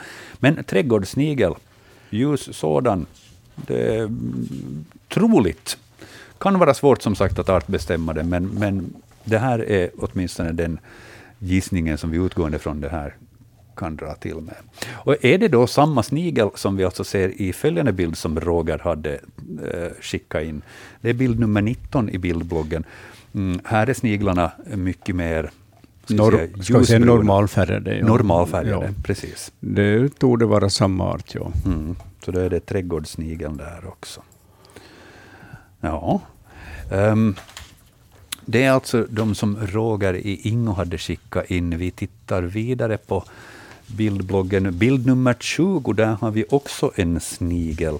Um, det är Susanne som har fotograferat den här. Hon hittade, hon hittade tre stycken mellan våta brädor, förmodligen då alltså hemma. Och den här snigeln så är då satt upp på en sten och så har vi ett, ett tallbar där bredvid också, så att vi kan lite sådär storleksbestämma den här snigeln. Um, den är rätt stor, eh, mörkare till färgen, mörkbrun, och vad ska vi säga, bakre delen av kroppen så är eh, brun i botten med sen mörkare fläckar, nästan svarta fläckar. Vad är det här för en snigel då, Hans? Jag tycker att vi har haft den här tidigare. Mm. Gråsvart kölsnigel. Ja. Sen så fanns det ju någon, vad hette den, pantersnigel, så var ju också någon sån här fläckig, men såg den annorlunda ut den sen? Ah. Vi hade den också, ja. Den har också dykt upp. Ja. Eh, som sagt, sniglar de, de, de kan vara eh, knepiga just i och med att det är det, det kan hända att det bara är något andningshål eller någonting sånt som skiljer. Ja, pantersnigeln den är, den är fläckig hela vägen. Ja, det här Egentligen, är nog en kanske gråsvart kölsnigel. Mm. Pantersnigeln så har ju de här fläckarna över hela kroppen. Ja. Den, det här har eh, tre, en tredjedel av, av, alltså den främre tredjedelen, så Mm. är gråsvart. Eller eh, ja, grå, mörkgrå. Sen först kommer den här fläckigheten. Gråsvart kölsnigel får vi alltså notera där åt Susanne. Och som sagt, jag kommer att uppdatera eh, bildbloggen här efter sändningen och skriva in de svaren vi har kommit fram till. Så, så kan ni gå efteråt också och kontrollera det om det är så att ni inte har tid att göra det idag. Ja, här är bra exempel på ett jämförelseobjekt när man fotograferar här ett tallbar Mm. lagt bredvid den här snigeln som, så man får en viss måttstock på det, det Ja. hela. Vackert. Enkla medel och Ja. jag vågar nästan påstå att den är kanske dit satt just Ja. bara för att vi ska kunna. Det skulle jag säga också. Och är den inte så passar den i alla fall otroligt bra in i bilden. Så är det. Eh, Vi kan ju säga som tips åt alla er som, som rör er i terrängen, ni har ju alltid mobiltelefonen med förstås och kan på det viset fotografera med den, men då för att få storleksbestämt saker som ni hittar, så jag menar, det kan vara allt från bilnycklar till en tändsticksask, eller så då någonting man hittar runt omkring sig, då blir det ju inte liksom lika exakt det där måttet, men vi får åtminstone ett hum om Ja. om det är stort eller litet. Till exempel tack vare ett barr eller en kotte, eller varför inte en fot, men skriv i så fall också gärna vad det är för skostorlek på den foten, så underlättar det lite. Ja. Um, Ja, vi kan titta till larver här också innan vi tar nyheter för, på lätt svenska. Um, ehm, uh, eh, här är det Leif Strömberg som har hört av sig. Uh, han bor på Möckelö, Åland, och har fotograferat följande larv. Um, det är bild nummer 21 i bildbloggen. Och uh, han undrar vad är det det blir av en sån här larv? Den är cirka 8 till 10 centimeter lång och om vi skulle beskriva den här larven så är den ju väldigt, den är väldigt röd till färgen. Riktigt uh, ovansidan så är mörkt vinröd. Uh, ja, tänkte börja dra till med olika vinsorter och sånt för att närmare bestämma nyanser, men det, det, mm. det lämnar vi osagt. Eh, sen, av... sen ljusnar den, så den blir ljusröd på sidorna och, ja. och har en prick på varje segment också. den här. Mm. Lite hår, så där enstaka hår sticker ut från den här glansiga, feta kroppen. Ja. Det här är en imponerande fjärilslarv, verkligen en, en, en som man lägger märke till genast då man får syn på den och tycker att åhå, den är ju tjock som ett pekfinger, den, ja. Den här, den här larven. Ja. Det här är trädödare, heter den här larven. Och, det är en fjärilslarv, det är den vanliga äh, träfjärilens larv. Larven är betydligt mer färggrann än, än själva fjärilen. Den är specialiserad på gamla säljar, eh, Eh, där den lever då i, i de här mörknande säljarna. Eh, trädödare har den säkert fått eh, den har säkert fått sitt namn för att man ansåg att den förödde träden. Men, men eh, den lever i, i, i det här, de här annars också Eh, dödsdömda säljarna som småningom kommer att stormfällas. Eh, en imponerande larv den här trädödaren. Mm. Jag, jag, måste riktigt inflika här för att du betonar det så bra, trädödare. För alltid då den här har kommit emot i litteraturen eller på nätet eller var som helst, så har jag läst det, läst det till trädödare. Ja, det har jag trott också tidigare, mm. men det, det rätta är nog trädödare. Ja. Mm. Så det är inte någon som dödar träd? Nej, den här larven, så när den är färdigutvecklad, så kryper den ner på marken på det här sättet, och så gräver den ner sig och förpuppas och kläcks sedan följande år. Mm. Trädödare hade vi där, det får vi svara åt Leif. Um, sen kommer alltså, det... Vanlig trä, vanliga ja. träfjärilenslarver. Det är det mm. som det blir till sen, träfjäril. Ja, men, men larven kallas, eller heter träd ödare. Exakt. Ja. Um, vi tittar vidare i bildbloggen uh, på följande. Här har vi en... Ja, Caroline, hon har, hon har redan identifierat så att säga uh, vad det här rör sig om, den här krabaten som hon har fotograferat, men hon undrar ifall vi har någon mera information om den. Eh, hon skriver så här. Igår kväll hittade vi en liten krabat som tagit skydd undan stormen Ayla. Vi hittade honom i vårt badrum och enligt våra egna forskningar på nätet har vi kommit fram till att det rör sig om en alflikmätare. Vår fråga är nu, hur vanlig är denna mätare i mellersta Österbotten där vi bor och vad lever den vuxna individen av? Alflikmätare, vad ja, har vi? en alflikmätare är det. Uh, den vuxna individen, så, så det här, om den behöver energi, så, så kan den äta pollen eller suga nektar. Det är det vanliga att de suger nektar, de här fjärilarna. Ja. Uh, ett ganska slitet exemplar. Man ser att uh, den är gul på framkroppen, hårigt gul på framkroppen och sen bruna, ljusbruna vingar med två eh, bågböjda tvärband över vingarna. Eh, ett gammalt exemplar som har sett sina bästa dagar och som, som inte kommer att... Ja, den har förmodligen ränt bort vid det här laget, misstänker jag. Mm. Eh, larverna de lever på, på flera olika eh, lövträd. Uh, al och sälj, björk och poppel. Så att den är en sån här uh, art som kan leva på flera, flera eh, olika, en fjärilsart som kan leva på flera olika växter. Och det gör ju att den kan bli relativt allmän eftersom den har flera värdväxter. Ja. Uh, hur pass allmän den är i, i Mellanösterbotten så, så kan jag inte säga, men den finns. Den finns. Ja. Det är lite så det beroende på vad det finns för mat att tillgå kanske. Och, och, och sånt här. Ja, och sen beror det lite på åren också, hur, hur förökningen har lyckats året innan och sådär. Ja. En trevlig krabate. Och det att den ser lite sliten ut, så det kan man väl förstå eftersom, precis som Caroline skriver här, att den hade tagit skydd undan stormen Ayla, så det kan ju också hända att den var lite tilltufsad därför. Ja, av- om jag ser rätt så har den en mycket tjock kropp. ja. Det skulle tyda på att det är en hona. Mm. Så då får vi... då Ja, får vi men väntas nu. De där kammarna är, är otroligt väl utvecklade, så kanske Ja. det är en hanne i alla fall. ja. De har ju sina, sina det här, en, doftsinnen i de här eh, rikt förgrenade kammarna. De här. Som ju är här på bilden, så är de tätt längs med kroppen. Så Ja. man måste lite titta noggrannare för att veta vad det är vi pratar om där. Ja. Alflikmätare, och där fick Caroline lite mera information om den också.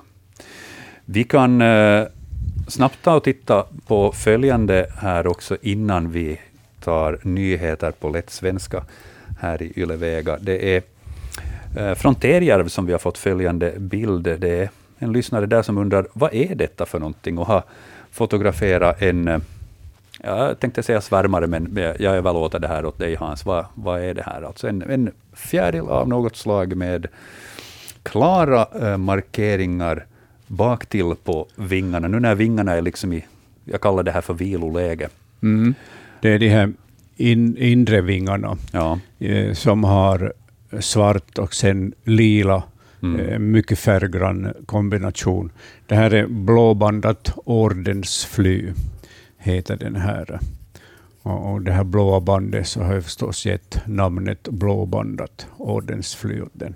Ja. För övrigt så är, är de yttre vingarna och, och kroppen vackert gråfärgade och mönstrade i olika svarta schatteringar. En, en elegant fjäril. Väldigt fint exemplar som har blivit fotograferat här. Den, den här ser inte tilltufsad ut på något sätt. Nej, det här är ett, ett fräscht exemplar och, och, och man ser att, att det är effektfullt att ha just den här kombinationen svart och lila. Ja. Vi har talat om flyttfåglar redan tidigare idag, men eh, det kom en kort fråga här eh, som vi kan behandla. Mm, Då flyttfåglar åker i en sån här plogformation, vem är det som leder den här plogformationen? Hur bestämmer de vem det är som tar ut riktningen, så att säga? Nog är det de äldre fåglarna som gör det. De som har erfarenhet. Det är ju framförallt svanar, gäss, tranor, de här stora fåglarna eh, med lång livserfarenhet och som flyttar familjevis. Eh, eller de har familjen är, håller ihop under flyttningen tillsammans med en massa andra fåglar förstås. Eh, Så det är nog en, en, en eh, fågel som kan flyttningsvägen. Eh, För skulle man sätta en årets unga och flyga i täten så skulle det inte lyckas lika bra med den här flyttningen och Mm. riktningen, framförallt inte riktningen. Så det är nog gamla erfarna fåglar som, som flyger i täten. Och just att de flyger i sån här plogformation så, så det gör att eh, de som kommer efter eh, så de har mindre luftmotstånd att, eh, att arbeta med.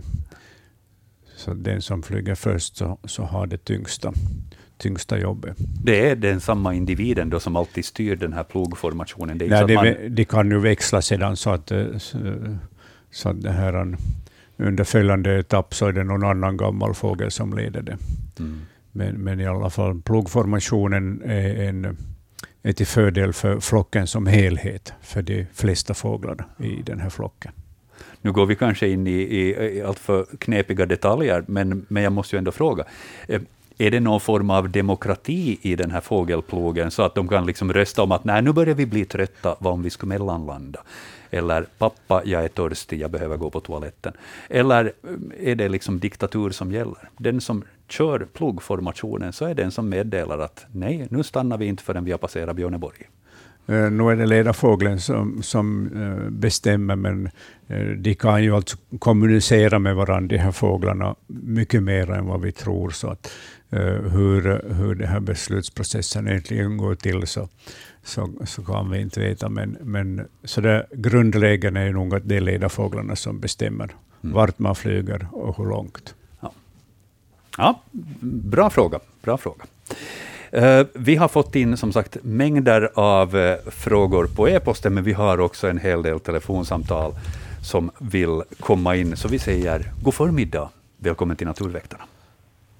Ja, det var Björklund från Vallgron. God dag. God dag. Hörni, jag undrar bara, är ju Poststyrelsen som har besprutat det här vresroten här i skärgården och har ju kommit på de här havtornsbuskarna och jag undrar, behöver de inte ha något tillstånd eller få vem som helst sprut på det där sättet långs med stränderna och rinner ut i vatten kanske? Och har, har ni något svar på det?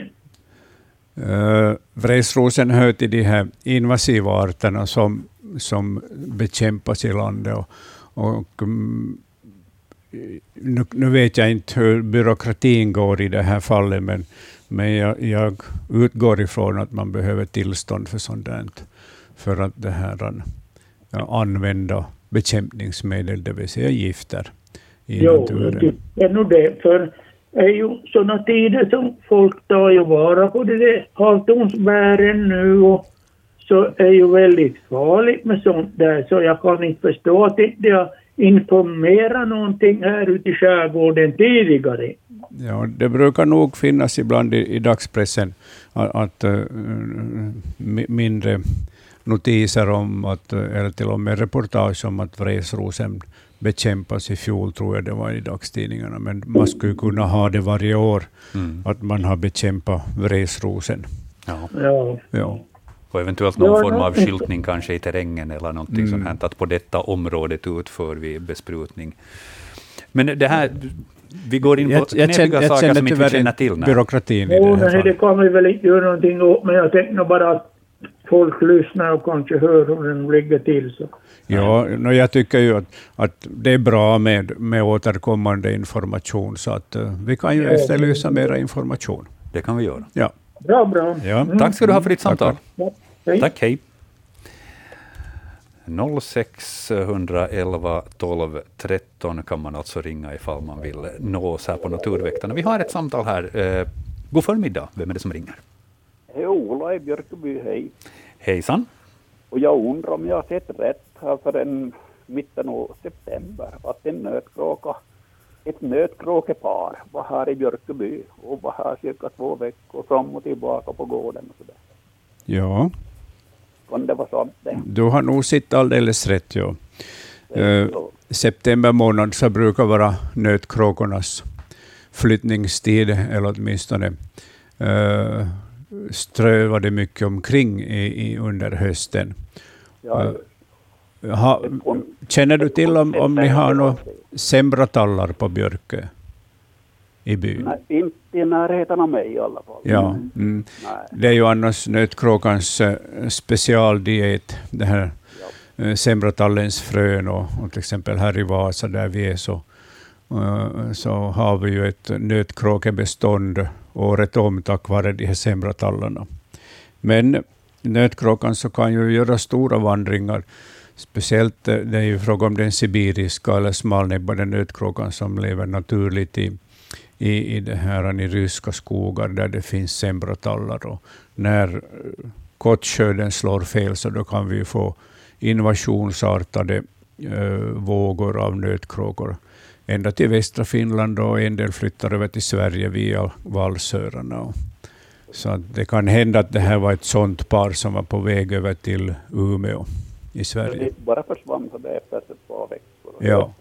ja och det, skränan de hade. Ja, de har ju sån där ganska torrt skränande, de här nötkråkorna. Ja.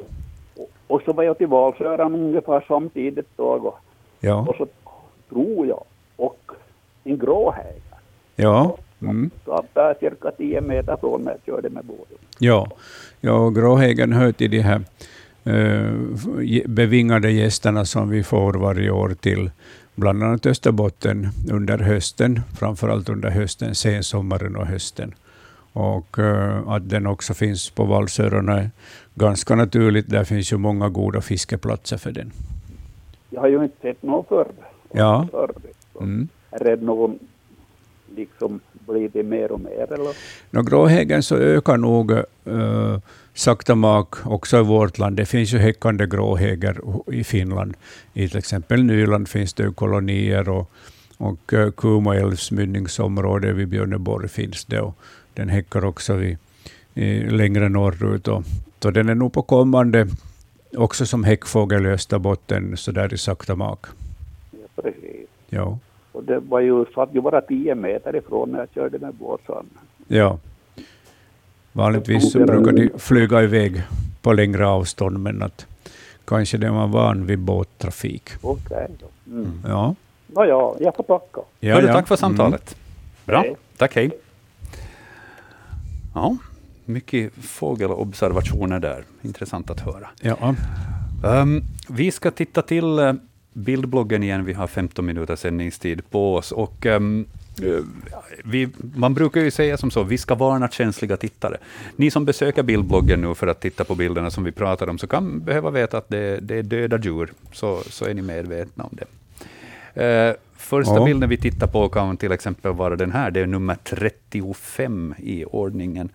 Uh, där är det Rickard som har fotograferat uh, en grävling som ligger överkörd eh, vid vägen den ligger bredvid där. Och, eh, Rickard har tagit en bild på den här och undrar hur länge kan en grävling leva så där annars, om den inte då blir överkörd eller tagen som byte? Vad, vad talar vi om ungefär för, för livslängd på en grävling? Ja, jag skulle nog säga 15 år. Mm. Och det här är tyvärr ett av de öden som, som eh, grävlingen drabbas av eh, ett ganska allmänt fenomen att de blir ihjälkörda. Och det är många djur som blir ihjälkörda i, i det här i vårt land, eller överhuvudtaget längs med vägarna. Eh, och grävlingen hör tyvärr till de utsatta. Ja. Den rör sig kanske just sådana tider på dygnet då det börjar vara skymt, ja. kanske till och med mörkt. Då är det svårt att, att se dem i tid när de dyker upp i strålkastarens sken. Eh, och så här, så på det viset kanske förståeligt att de tyvärr just hamnar ofta under bilar. Ja, det, det är många, eh, otroligt mycket fåglar som blir ihjälkörda och en hel del av de här mindre däggdjuren också. Ja. Det blir sen mat för, för korpar och rävar och vargar som patrullerar längs med de här vägarna Precis. och tar tillvara. Mm. Rickard har en annan fråga också som, som också tangerar livslängd, men inte då om grävling utan om träd. Han undrar sådär, eh, hur gammal kan lönnen bli och faller den själv om man inte fäller den? Ja, alla träd så, så faller någon gång av sig själv om inte människan uh, fäller dem. De fälls i stormar uh, av olika slag. Och, uh, nu kommer jag, vad skulle lönnen ha för, för livslängd? 200-300 år skulle jag tippa. Mm.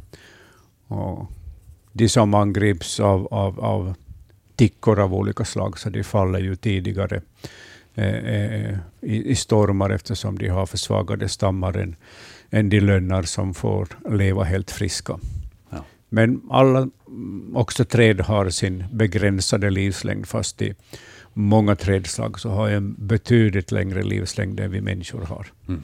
De har ett längre tidsperspektiv så är det. än vi. Eh, sen så kan man ju börja fundera också då det, vi talar om, om växtlighet, eh, träd och liknande. Sådana som på något vis lever i samma rotsystem, men då kanske stiger upp på olika ställen. Så där, där blir det ju svårt, det blir närmast en filosofisk fråga att börja tala om livslängden på ett träd eller någonting sånt. Att ifall, ifall den har fått liksom om om det skjuter upp skott någon annanstans, men det hör liksom till Från- samma rotsystem. Ja, från samma rotsystem, ja. Och, och såna, till exempel aspen är ju en sån. Den kan ju bli hur gammal som helst, den här individen.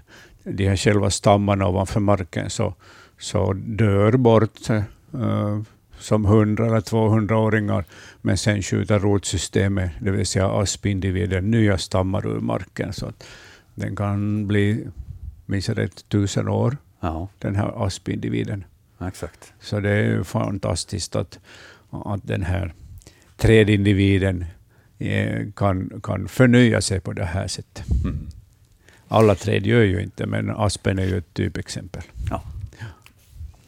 Eh, Jag talar här om att vi varnar känsliga eh, tittare för, för bilder och ni som besöker svenska.yla.fi snedstreck natur och går in på bildbloggen, så bild nummer 33, så där har vi ett rådjur som har som har eh, slutat sitt eh, liv i en dikeskant. Frågan som Håkan ställer angående det här rådjuret, så är vad är det som har förorsakat döden? Är det en naturlig död, eh, där rev och mårdhund sedan har tömt magsäcken, eller kan det vara ett rovdjur som har varit i farten, eller är det resultatet av en bilolycka, eller vad kan det vara? Det här är nog högst troligt eh, ett rådjur som har blivit ihjälkört av en bil. Mm. Eh, speciellt när det ligger i diket. Det är ju typiskt för, för de rådjur som blir påkörda att de, blir, att de dör eller blir så pass svårt skadade så att Eh, de kommer inte längre än, än ner i diket. Där de sen då blir uppätna småningom av till exempel rev och mårdhund som eh, gärna tar för sig. Kråkfåglarna brukar vara snabba på plats. Och jag har till och med sett eh, ett havsönspar som förra vintern kalasade på ett ihjälkört rådjur. Och rådjuret låg faktiskt nere i diket och de här havsörnarna, allt emellanåt när det blev tyst i trafiken så, så flög de ner på det här rådjuret och, och rev åt sig av det här köttet. Mm. Eh, här ser man ju också att det är mycket flugor i farten på det här rådjuret. Och, och fluglarverna så deltar ju mycket aktivt i att äta upp ett sånt här, eh, det här rådjuret. Det, det är ju oerhört mycket insekter också som, som eh, deltar i, i, i den här konsumtionen av, det här och nedbrytande av det här, ett sånt här dött djur. Ja. Flugor och skalbaggar är två, de två främsta Mm. grupperna, insektgrupperna. Det är många som drar nytta av det här. Visst, visst. Men det är ju förstås synd att, att, eh, att eh, djur måste dö i trafiken på det här sättet. Mm. Så Det är det. Så är det. Ja, då hade vi svar på den frågan som Håkan hade skickat in. Um, har några andra sådana här frågor som... Ja, här, är det, här är det ju levande individer, så det kan vi ta och titta på. Vi hade väl inte besvarat den här. Eh, det är Vivan som har hört av sig och hon skriver så här. Vi har hela sommaren haft ett trevligt besök i vår trädgård. Vi har trott att det är en hare, men våra vänner påstår att det är en kanin. Vad är skillnaden? Har försökt kolla på nätet, men jag får inte klart för mig om det är en söt hare eller en söt kanin. Det det visar i Naturväktarna må avgöra, skriver Vivan. Ja. Det, tack för den beställningen. Jag vänder mig till dig Hans och säger, vad är skillnaden mellan en hare och en kanin och vad är det som vi har på bilden? Ja, och Bildnummer. kaninerna är ju sådär, alltså vild, de förvildade kaninerna, de vildkaninerna, så det är ju för det mesta mindre än det här djuret. Um, nu vet jag inte riktigt när det, om det är fotograferat på kvällen. Det, här. Det ser ganska grått ut det här, Ja. det här harddjuret, men jag tycker ansiktsuttrycket mest av allt liknar en fälthare. Mm. Lite så här bistert ansiktsuttryck. Så nog skulle jag hålla på en fälthare i det här fallet. Nog. Är, är det det alltså som är skillnaden mellan en hare och en kanin? Nej. Ansiktsuttrycket är lite Nej, mer nej, jo, bistert. kaninen den är ju kan vi säga, rundare och gosigare. Eh, inte lika kraftig i kroppen och, och inte lika långa öron. Mm. Så, och fältharen är en vanlig, vanlig besökare i våra trädgårdar på gräsmattorna. Ja. Men med andra ord, det är inte en, en solklar enkel fråga att besvara sådär. Nej, det skulle jag inte säga. ja. Men, men det första intrycket jag fick jag såg bilden var att det var fälthare. Ja. Då har vi svar där åt eh, Vivan. Eh, Det, är roligt med sådana här frågor där man själv måste alltså tänka till tre gånger och så märker man också Mm. att expertisen får lite skrynkla pannan och, och, Jo, visst, visst. och Så tänka det. till. Det är bra. Tack för den Vivan. Eh, bilden i bildbloggen innan det, nummer 31. Den ska vi också ta och titta till. Det är Bengt i Pargas som har hört av sig. Två stycken fotografin på samma fågelindivid. Han skriver så här. När vi såg denna fågel från sidan tog vi det som en bofink. Men sen blev vi fundersamma. Är det en bofink eller? Tyvärr är bilderna inte så tydliga då de är tagna genom fönster och på långt håll. Hälsar Bengt i Pargas. Men eh, vi kan väl bekräfta det här Hans? Jo, visst är det en bofink. Den är ju inte lika färggrann som på våren då den har sin, eh, sin finaste fjäderskrud, men att alldeles tydligt en bofink han är. Mm. Mm, som heter solrosfrön, om jag ser rätt. Ja. Så det, den var en solklar fråga som vi kunde besvara. Eh, signaturen Signe har däremot en, eh, en lite knepigare fråga, tänkte jag först, men du har kanske ett solklart svar på den. Det är fråga nummer 30 i bildbloggen. Um, 24 i nionde så var det närmare 20 grader varmt och eh, vi lekte på Hemgatan då jag upptäckte en skalbagge som promenerade på asfalten. Sonen på nio år sade att det är en kackerlacka. Och jag testade Google Lens för att se om fotografiverktyget gav samma svar. Ja, den här applikationen föreslog kackerlacka. Skalbaggen var cirka en centimeter stor och vi var eniga med sonen om att den skulle avsluta sin tid på denna gata. Eh, var bor de? Är det i gatubrunnar och klarar de av vintern i södra delen av Finland? Det här undrar alltså Signe.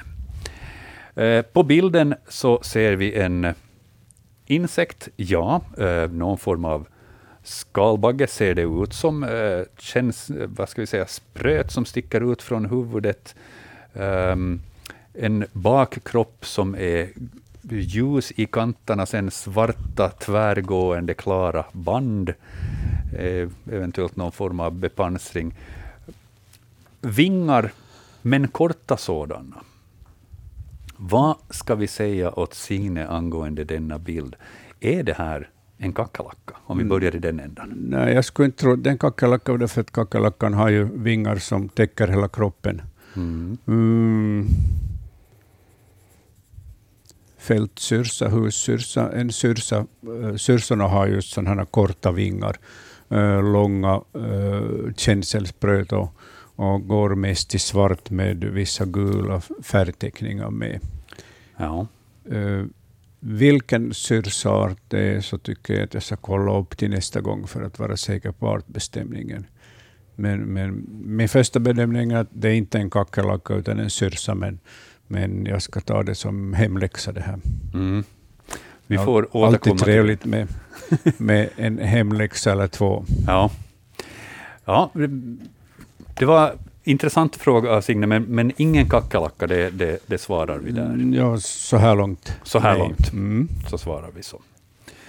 Mycket bra. Hörni, vi har några minuter sändningstid ännu. Eh, vi kan ta och titta på De här getingarna. Getingarna, ja. Vi, hade, vi hade fått in en bild här på ett runt hål helt klart i gräsmattan och en geting som flyger ovanför det här hålet. Eh, Och följande text, det är Boris i Vasa som skriver att han hittade en rund grop i marken där getingar flög in och ut. Gropen var cirka 12 centimeter i diameter och ungefär lika djup. Nere i gropen gick det tydligen en gång eftersom det försvann in i väggen. Kan de själva ha byggt ett så här stort och fint runt hål, eller har de tagit över efter något annat djur? Jag blev stungen på handen och den svällde upp lite men gick ner efter någon timme. Var det en typ av geting? Det här undrar alltså Boris.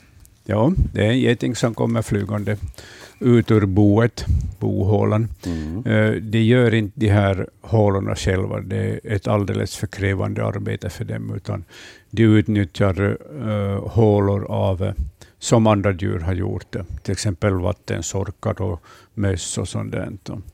Och till och med större rev och mårdhund. Tillfälliga gryt kan de använda också, ja. som Revo och mårdhund har gjort det.